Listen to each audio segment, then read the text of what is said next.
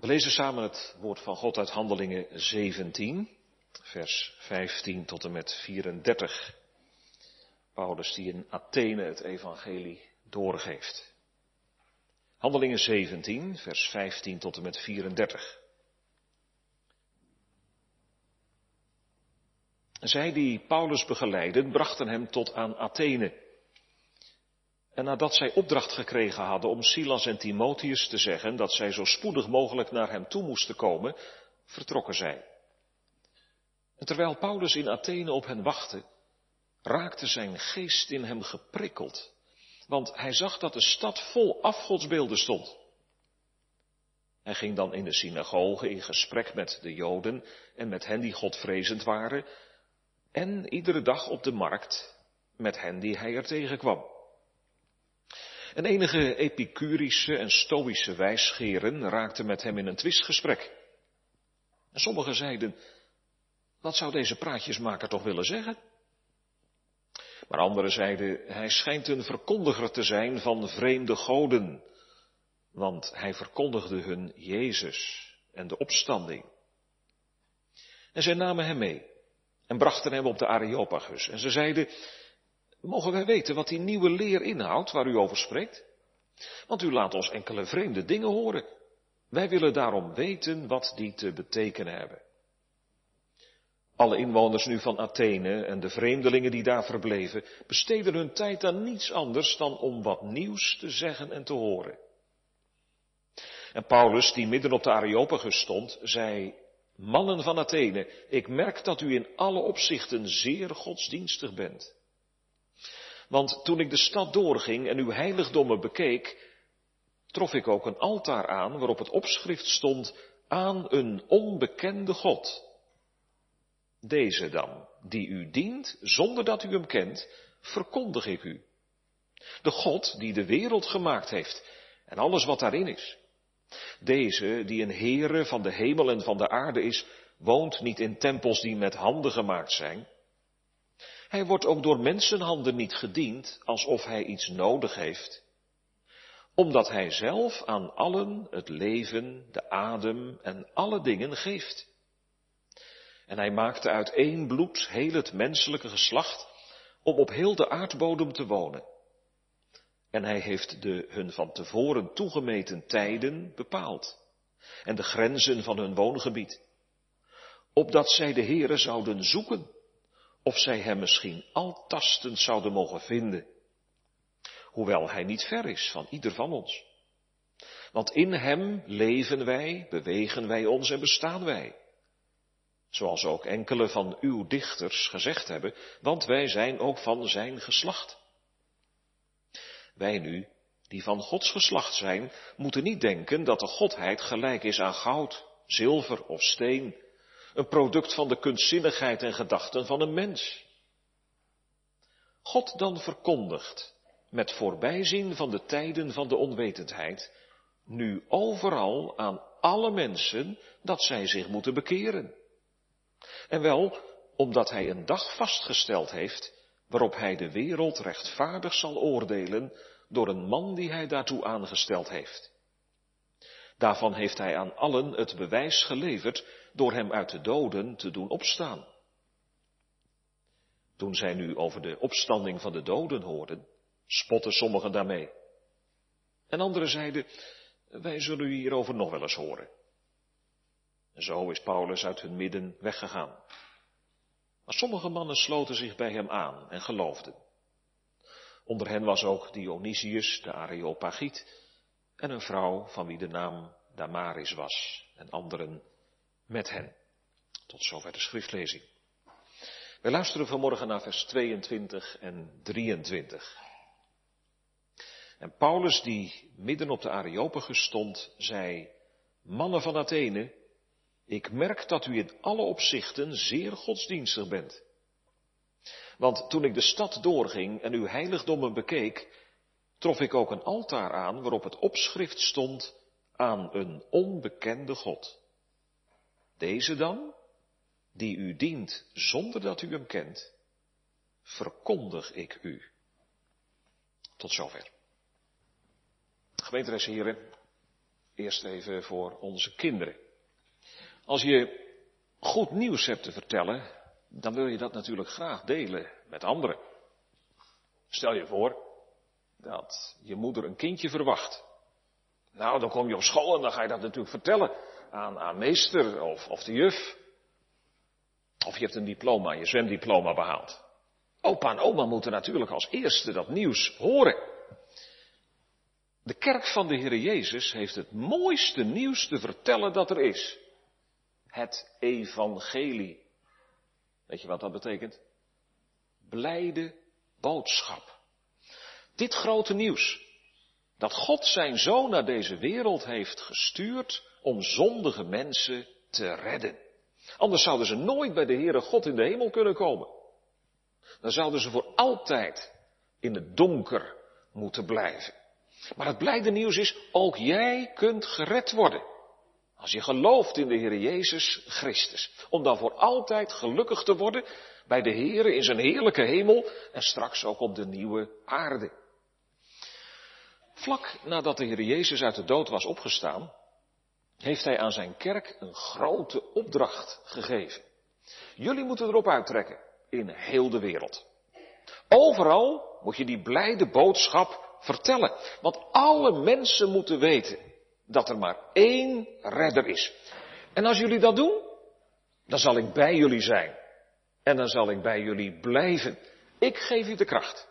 Ik geef je de woorden om het te doen. En zo zijn de apostelen, en dat waren die, die discipelen, die zijn erop uitgegaan. En later heeft Paulus een zendingsreizen gemaakt. En daarna zijn er een heleboel zendelingen de wereld overgegaan om de mensen te vertellen van de Heer Jezus. Wij als gemeente steunen ook een paar mensen die dat doen. Juf Marianne die hiervoor in de kerk zit. Die al heel wat jaren in Zambia heeft mogen werken en nu vanuit Nunspeet vanwege de coronacrisis haar werk doet. En Appel en Mol die in Thailand bezig mogen zijn om het evangelie door te geven. En zo zijn er nog veel meer zendelingen. En jij? Heb je al begrepen wat de blijde boodschap inhoudt? Ja, maar dan kun je dat natuurlijk ook niet voor jezelf houden. Dan word jij ook een beetje een zendeling. hoe moet je dat dan doen? Het evangelie doorgeven, hier en overal. Dat is de vraag waarmee we in dit zendingsweekend, de afgelopen dagen en op deze zondag bezig zijn. Gemeente, het thema voor de bediening van het woord is, hoe maakt u, hoe maak jij de onbekende God bekend? Drie vragen. Als eerste, in wat voor wereld leven wij? Vervolgens, kennen wij zelf die God? En tenslotte, wat hebben wij van Hem te vertellen? Dus hoe maakt u, hoe maak jij de onbekende God bekend? In de eerste plaats, in wat voor wereld leven wij? Dan kennen wij zelf die God. En tenslotte, wat hebben wij van Hem te vertellen? In wat voor wereld leven wij? Nou, wij, zitten, wij leven in een wereld die zeker niet op God zit te wachten. Dat is sinds de zondeval al nooit meer het geval geweest, want in Adam hebben wij God de rug toegekeerd. Wij konden hem missen als kiespijn. Wij dopten onze eigen boontjes wel. Er zijn heel wat mensen die christenen soms horen praten over God en over de Heer Jezus. En die dan bij zichzelf denken of die het hardop zeggen, hoe komen jullie daar toch bij? Waar halen jullie dat toch vandaan? Want God, bestaat hij eigenlijk wel? Hebben mensen hem niet zelf verzonnen? Je hebt ook de zogenaamde agnosten. Dat zijn mensen die zeggen, als er al een God bestaat, dan weten we in elk geval niets van hem. We kunnen hem niet kennen. Hij is de grote onbekende. Als die al bestaat, dan merk je niks van hem. En zo wordt door deze mensen God ook wel eens vergeleken met, met een ouderwetse horlogemaker. Hij wint het horloge op en dan loopt het verder wel vanzelf. Zo, zeggen sommigen, is het ook met God. Hij heeft het uurwerk van deze wereld opgewonden, maar nu bemoeit hij zich verder nergens meer mee. Hij is met de noorderzon vertrokken, met onbekende bestemming. En als je dan wordt uitgenodigd in de kerk of, of in de zending of in het evangelisatiewerk om je aan die God toe te vertrouwen, dan denk je, maar hoe kan ik mij nu aan iemand toevertrouwen die ik niet ken? Onbekend maakt onbemind. Nou, dat brengt ons vanmorgen gemeente bij de vraag die onze aandacht vraagt. Is God de grote onbekende? Ik neem u en jullie even in gedachten mee, ver terug in de tijd. Het is ongeveer het jaar 50 na Christus. In een stad die vandaag nog tot onze verbeelding spreekt. Athene. Paulus, die in dienst van de Heer Jezus Christus staat, wandelt door de stad. Niet om als toerist te genieten van schitterende sightseeings. Misschien zijn er onder ons wel die op die manier wel eens in Athene een bezoek hebben gebracht maar om met mensen te spreken over de Heer Jezus Christus. En intussen kijkt Paulus zijn ogen uit. De stad is ontstaan rondom een grote rots. Die steekt ver boven de stad uit. En op die rots bevindt zich een burcht. De Acropolis, een grote burcht. En binnen die burcht zijn er talloze tempels voor goden en godinnen gebouwd. U weet, er zijn plaatsen in ons land waar je zo ongeveer op elke hoek van de straat een kerk ziet staan. Maar in Athene wemelt het van de afgodstempels, waarin alle mogelijke goden worden vereerd. Overal ook beelden en altaren. Daar heb je de tempel van Pallas Athene, de godin van de dapperheid. Daar het heiligdom van Ares, de god van de oorlog, van Afrodite, de godin van de liefde, van Kronos, de god van de landbouw, van Asclepios, de god van de geneeskunst.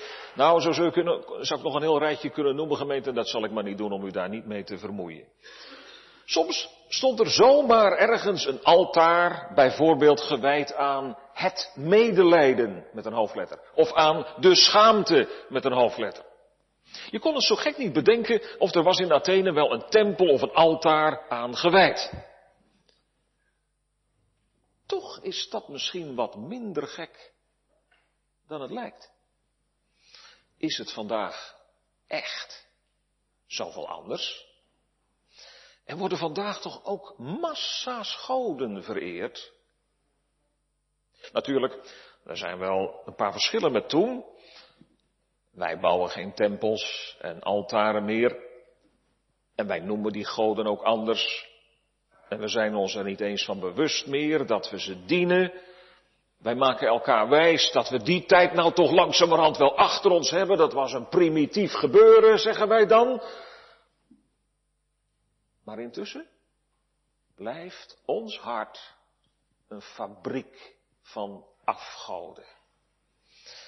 Denk eens aan de seksualiteit, waar het voor heel veel mensen vandaag om draait. Vroeger was dat Afrodite, de godin van de liefde. Er zijn er vandaag trouwens ook geen letterlijke tempels voor opgericht, de sekspaleizen in de grote steden. Denk eens aan het geld, dat heel veel mensen in de macht heeft. Vroeger noemden ze dat de god Mammon. Denk eens aan de economie, die belangrijker is dan mensen. Vroeger heette dat Baal. Denk eens aan de sport, die voor veel mensen zin geeft aan het leven. En dan komt er zo waar Rempel maar weer eens een tempel tevoorschijn. Voor Ajax in Amsterdam. En, en godenzonen, zo worden de voetballers toch genoemd? Nou, ik weet niet of u een van deze goden vereert. Of misschien nog een andere. Aan de voet van die burcht Acropolis ligt de Areopagus. Een soort plein waar de rechtspraak wordt gehouden. En als Paulus dan in die stad het evangelie begint te verkondigen over Jezus en over de opstanding, dan is de belangstelling van de praatgrage Atheners gewekt. Stelt u zich Paulus daarvoor. Hij gaat met die mensen daar in gesprek. En dan hoeft hij alleen maar omhoog te kijken naar de Acropolis om met zijn hand te wijzen naar die altaren en die beelden en die tempels die daar staan. Ik laat nu maar rustig gemeente wat er hier in vers 18 wordt gezegd over die filosofische stromingen, de Epicureën en de Stoïcijnen, dat zou ons te ver voeren. Het gaat ons om wat Paulus ook in die stad gezien heeft. En wat hem getriggerd heeft om het evangelie dieper te verkondigen. Hij merkt hoe die Atheners erop uit zijn om al die goden en godinnen te vriend te houden. En wat hebben ze nou gedaan, jongens en meisjes? Ze hebben daar nog een extra altaar gebouwd. En daar hebben ze iets opgeschreven en daar staat aan een onbekende God. Waarom hebben ze dat gedaan? Nou, voor de zekerheid. Want stel je voor, er zijn natuurlijk zo ongelooflijk veel goden, dat ze er eentje vergeten zouden hebben. En dan zou die wel eens boos kunnen hebben. Nou, eh, kunnen zijn. Hoe die dan ook heet, of hoe zij ook heet, hierin mag hij of zij zich genoemd weten. Wie van de goden de schoen past, trekken hem aan. Wat zit daar nou achter, gemeente? Angst. Diepe religieuze onzekerheid. En dat laat de trieste armoede van de godsdienst van deze Atheners uitkomen. Ja, van elk mens die de levende God niet kent. En je merkt het ook daaraan dat de Atheners en de allochtonen die er wonen, volgens vers 21, al hun tijd maar aan één ding besteden. Om iets nieuws te zeggen of te horen. Nee, geen nieuwtjes. Zoals oude mannen in een dorp op een leugenbankje kunnen zitten om de laatste nieuwtjes uit te wisselen en kletspraatjes te houden. Nee, ze zijn belangstellend naar iets nieuws wat deze wereld echt verder zou kunnen helpen. Blijkbaar zijn ze erachter gekomen dat al die goden met elkaar niets voorstellen. En we weten dat vanuit de lectuur van die tijd ook. Het was ook zo in de Griekse cultuur. Heel die kraam van goden liep op zijn laatste benen. De mensen waren diep teleurgesteld. Als de nood aan de man komt, helpen die goden je niet. Ze leven immers niet. En op de diepste levensvragen hebben ze geen antwoord. En daarom die angst, die is toch gebleven. Dat laat dat altaar voor die onbekende God wel zien. Gemeente, wat een les voor ons. Ook moderne afgoden, waarvan ik er maar een stuk of wat genoemd heb, laten je zo leeg. Want ze leven niet. Daarom hebben ze geen antwoord op de vragen van het hart. Ze redden je niet. Je kunt ook geen persoonlijk contact met ze hebben. Laat onze cultuur dat ook niet zien. Hoeveel mensen zijn vandaag, bewust of onbewust, op zoek naar de zin van het leven, naar waarheid, naar toekomst. Maar met alle godsdienstigheid buiten God om. En met al dat verlangen om iets wezenlijk nieuws te horen, komen we niet verder. En daar blijken drie dingen uit die het leven van zoveel mensen in onze tijd typeren. In de eerste plaats, ze zijn onbevredigd. Vandaar die roep om voortdurende vernieuwing. Nooit hebben veranderingen elkaar zo snel opgevolgd als in onze tijd, maar het bevredigt niet. Als tweede, ze zijn onrustig. Wat voelen veel mensen zich opgejaagd en afgemat. En ze weten niet waar ze het zoeken moeten. Waar vind ik echte rust? En in de derde plaats zijn ze onzeker. Je bankrekening lijkt houvast te bieden. En je gezondheid lijkt soms onaantastbaar. Maar diep in ons hart weten we wel beter. En dan? Wat houd ik dan over? Paulus komt daar in Athene het altaar voor een onbekende God tegen. En hij speelt er meteen op in. Hij komt tevoorschijn met zijn nieuws. Met het grote nieuws. Met de blijde boodschap. Te midden van die stomme, dat wil dus zeggen niet sprekende afgoden in Athene, vraagt hij het woord voor de levende God. De sprekende God. En dat woord, dat hoeft niet beoordeeld te worden, zoals de Atheners de hele dag zich bezighielden met het beoordelen van meningen van anderen. Nee, dat woord oordeelt zelf. En het redt. Dit is echt iets nieuws. Iets ongehoords. Aan een wereld die op sterven na dood is. Bedrogen door haar eigen goden. Mag het woord van de levende God worden verkondigd. Inderdaad, mannen van Athene, zegt Paulus, er is een God. Die tot nu toe voor jullie onbekend was. Maar hij gaat zich nu door middel van mijn woorden aan jullie bekend maken. En hij is niet één van de velen uit het rijtje die zo nodig ook nog een plekje moet hebben. Nee, hij is de enig ware God. Hij is zo totaal anders dan al die goden die jullie zelf hebben gefabriceerd. En die God, die jullie niet kennen, en toch op je eigen manier proberen te dienen, die verkondig ik u. Let op gemeente, Paulus zegt dus niet dat die onbekende God niet bestaat. Speelt erop in. Hij maakt er een, een insprekingspunt van, zou je kunnen zeggen. En daar kun je wat van leren. Om mensen op te zoeken daar waar ze zitten in hun denken. Niet om dat denken dus vervolgens van een, van een krul te voorzien, maar om het als een insprekingspunt te gebruiken. Hij zegt, die God, die jullie niet kennen, die ken ik wel. En hem verkondig ik u. Dat brengt ons op het tweede.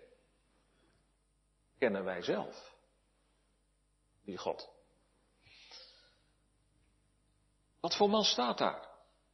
Te midden van die filosofen en die nieuwsgierige zoekende Atheners. Te midden van die mensen die vastgelopen zijn met hun eigen godsdienst in een oude stad met een stervende cultuur, de verdwijning nabij. Nog even en de patiënt is overleden. Paulus staat daar op die Areopagus in het volle besef dat hij de weg naar de genezing kent. Nee, Paulus is iets anders dan een filosoof onder zijn collega's. Hij staat daar als heraut van de levende God. En hij maakt van God geen discussiepunt, zoals vandaag zo vaak gebeurt. Hij verkondigt de levende God. En dan wijs ik u even op wat we lezen in vers 16. Als Paulus naar de stad vol afgodsbeelden ziet, dan raakt zijn geest in hem geprikkeld. Het lukt hem niet om neutraal naar die beelden te kijken. Zoals wij misschien oude godenbeelden kunnen bekijken als kunst. Maar deze beelden staan niet in een museum. Ze staan in tempels. Ze worden vereerd. En dan wordt Paulus geprikkeld in zijn geest. Hevig geërgerd staat er letterlijk. Hij staat in vuur en vlam voor de levende Christus. En dan te zien dat deze stomme afgodsbeelden vereerd wordt. Dat mensen zich daarmee afgeven. Wat wordt toch aan de eer van de levende God tekort gedaan? Hoe komt dat? Dat Paulus daar zo door geraakt is. Dat hij daar zo hevig onder bewogen wordt. Gemeente heel eenvoudig gezegd. Omdat hij zelf de levende God door Jezus Christus heeft leren kennen. Hij is er persoonlijk achtergekomen wie deze God is. Gemeente, steeds meer mensen, ook kerkmensen, zeggen, ach, wat iemand gelooft, dat moet hij zelf weten. De een is nou eenmaal geboren als, als eh, moslim, en een ander als boeddhist. En ik ben toevallig in Nederland geboren en ik ben kerkelijk opgevoed. Maar val een ander daar nou niet mee lastig? Je moet ieder in zijn waarde laten. En zouden er niet vele wegen zijn die naar Rome leiden? Zeg u of jij praat hopelijk toch niet zo? Maar hoe komt dat dan, gemeente? Dat mensen zo praten? Omdat ze zelf de levende God niet kennen. Omdat ze geen persoonlijke band aan de opgestane Heer Jezus hebben. Geen wonder dat je dan religieus onverschillig wordt. Maar wat heb je dan te vertellen? Kijk nog eens even naar Paulus zelf. Hij meende eerst dat hij de God van Israël kende. Hij meende zelfs hem een dienst te bewijzen door de volgelingen van de Heer Jezus te vuur en te zwaard te bestrijden. Maar Paulus kende hem niet. Dat is aangrijpend gemeente en dat komt ook naar ons toe. Je kunt dus, om het maar toe te passen, je kunt een geheid kerkmens zijn. Keurig in het paadje lopen, terwijl je de Heere niet kent. Dat Hij een onbekende God voor je is. Echt waar. Naar de zonderschool geweest, catechisatie gevolgd, altijd naar de kerk gegaan en de levende God niet kennen. Nog altijd dood in je zonde.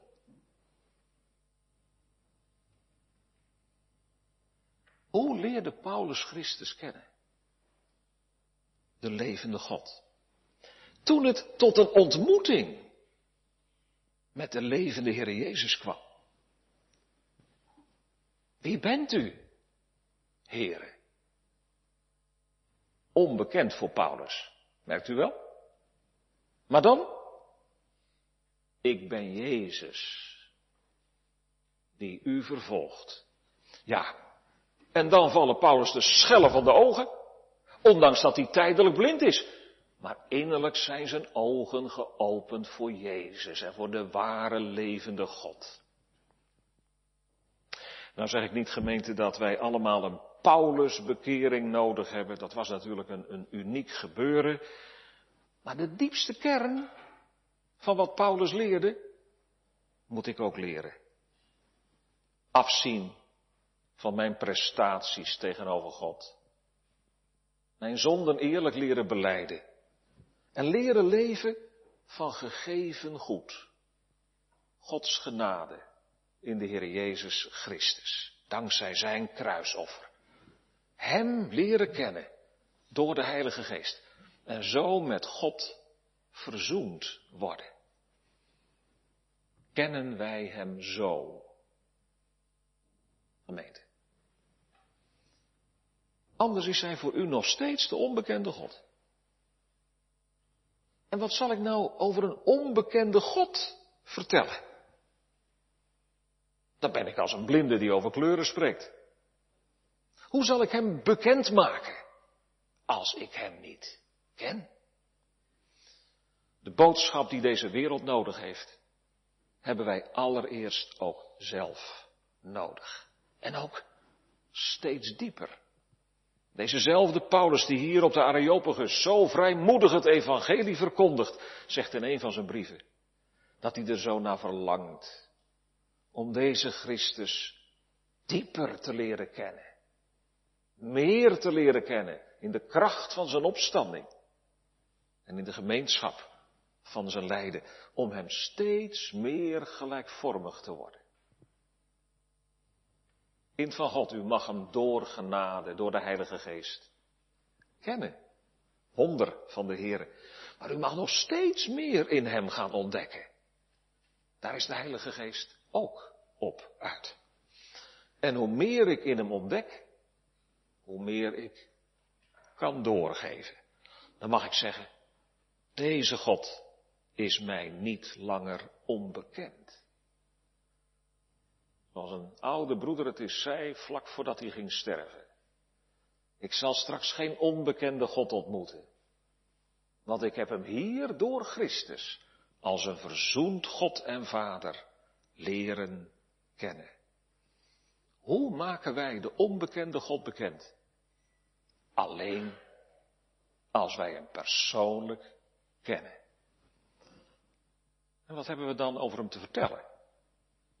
Als laatste. Paulus zegt een aantal dingen over hem die ook voor ons van het grootste belang zijn om te weten en door te geven in deze wereld. Want zendingswerk in deze wereld, een evangelisatie dichtbij, is niet gebaat bij zoetsappige verhaaltjes, bij een boodschap waar het merg uitgehaald is. Nee, de volle, eerlijke, bijbelse boodschap. En in het kort gaan we vanuit dit Bijbelgedeelte na wat dan de inhoud van die genezende, blijde boodschap is.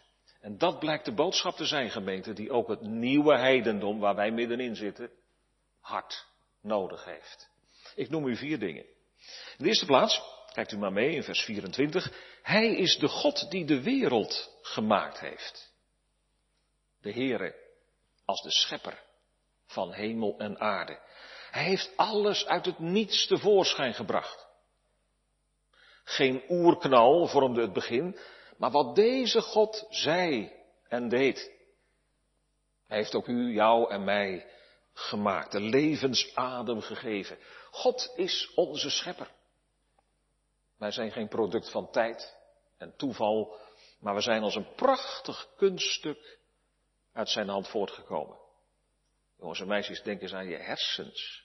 Dat zou je kunnen vergelijken met, met een heleboel computertjes die allemaal met elkaar in verbinding staan. Wat een meesterwerk! Toeval?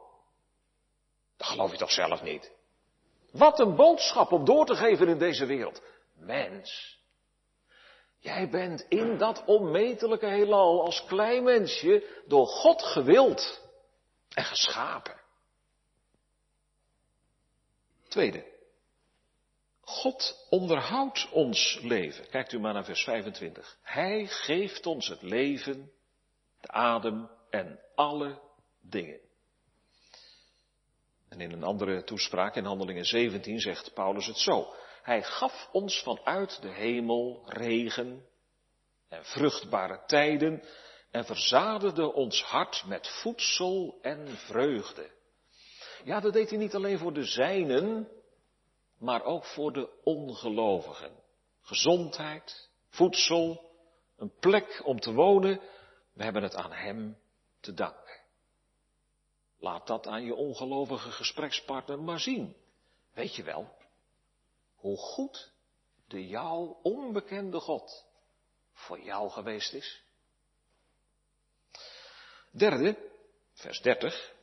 God dan verkondigt nu overal aan alle mensen dat zij zich moeten bekeren. Dat betekent dus dat elk mens van nature met de rug naar God toestaat. Jongens en meisjes, dat begrijp je, hè? Als ik mij moet omkeren naar iemand toe, dan sta ik eerst met de rug naar iemand toe. En bekering is dat je niet langer met de rug naar de Heer toe staat, maar met je gezicht. Stel u voor, gemeente, dat u voor mij een heleboel goeds hebt gedaan. En ik kom u ergens tegen en ik draai vervolgens mijn hoofd om en ik doe alsof u lucht bent. Ik keer u mijn rug toe. Hoe zou u dat vinden? Nou, dat is nou precies de houding die wij van nature tegenover de Heeren innemen. Maar hij roept u en mij en jou en hij zegt, keer je om naar mij toe. Ik wil zo graag je gezicht zien. Je in de ogen kijken. Met je spreken. Bekeer je, zegt de Bijbel. Ga op de knieën voor God. Zeg maar eerlijk dat je bezig was een of andere andere God te dienen in je leven. Speur hem maar eens op, welk is dat in je leven? Zeg het maar eerlijk. Dat je hem voorbij liep. Vraag om vergeving. Vraag dat hij met je verder gaat. Om Jezus wil. Nou gemeente, die boodschap moet de kerk ook brengen aan hen die buiten staan. Niet alleen maar zeggen, en dat kom je nog wel eens tegen in het evangelisatiewerk. God heeft u lief en that's it. Gemeente, dat is een halve waarheid.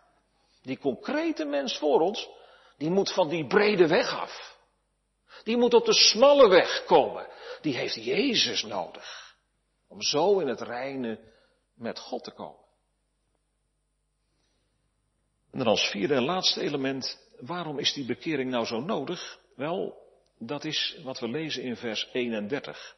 Omdat Hij een dag vastgesteld heeft waarop Hij de wereld rechtvaardig zal oordelen. Door een man die Hij daartoe aangesteld heeft. Het oordeel van God.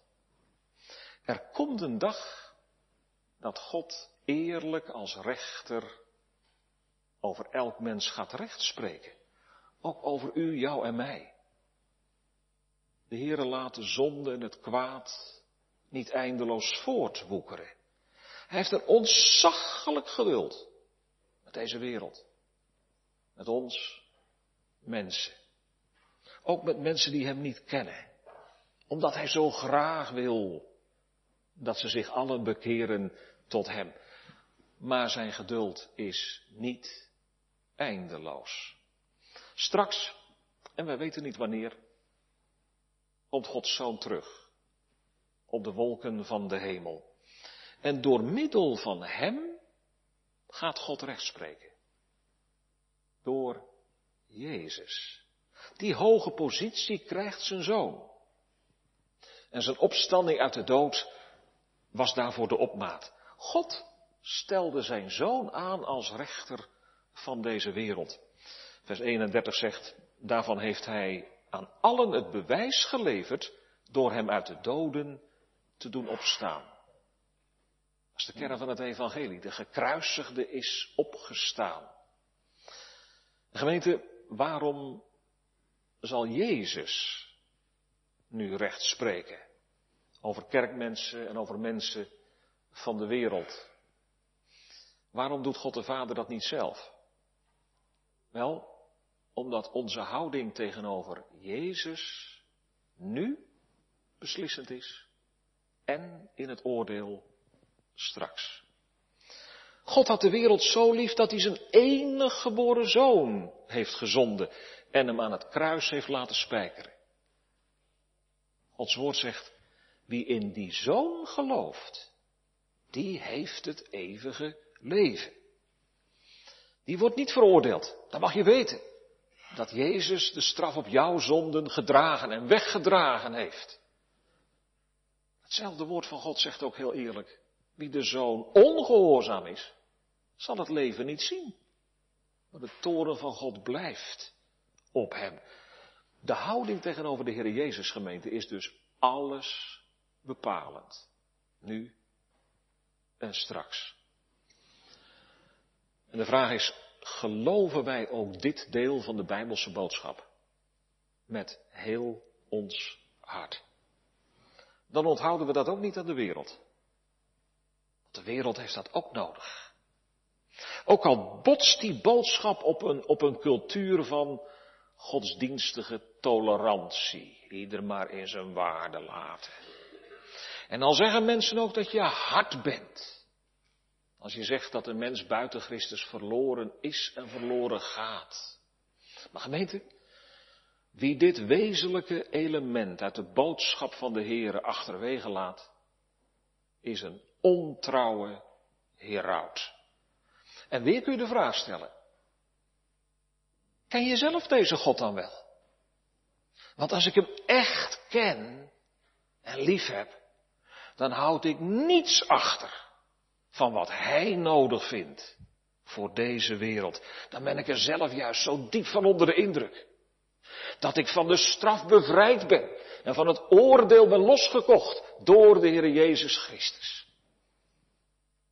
Gemeente, hoe maken wij de onbekende God bekend? Zo. En niet anders. Natuurlijk, al naar gelang de gelegenheid zich voordoet. Niet alles kan tegelijk. En soms kun je maar één enkele opmerking kwijt. Maar Dit is het grondpatroon. Hier gaat het om. Op een aangepaste, verdunde boodschap zal nooit zegen rusten. Maar op een eerlijke, indringende boodschap, doorgegeven vanuit de liefde van Christus, zal zegen rusten.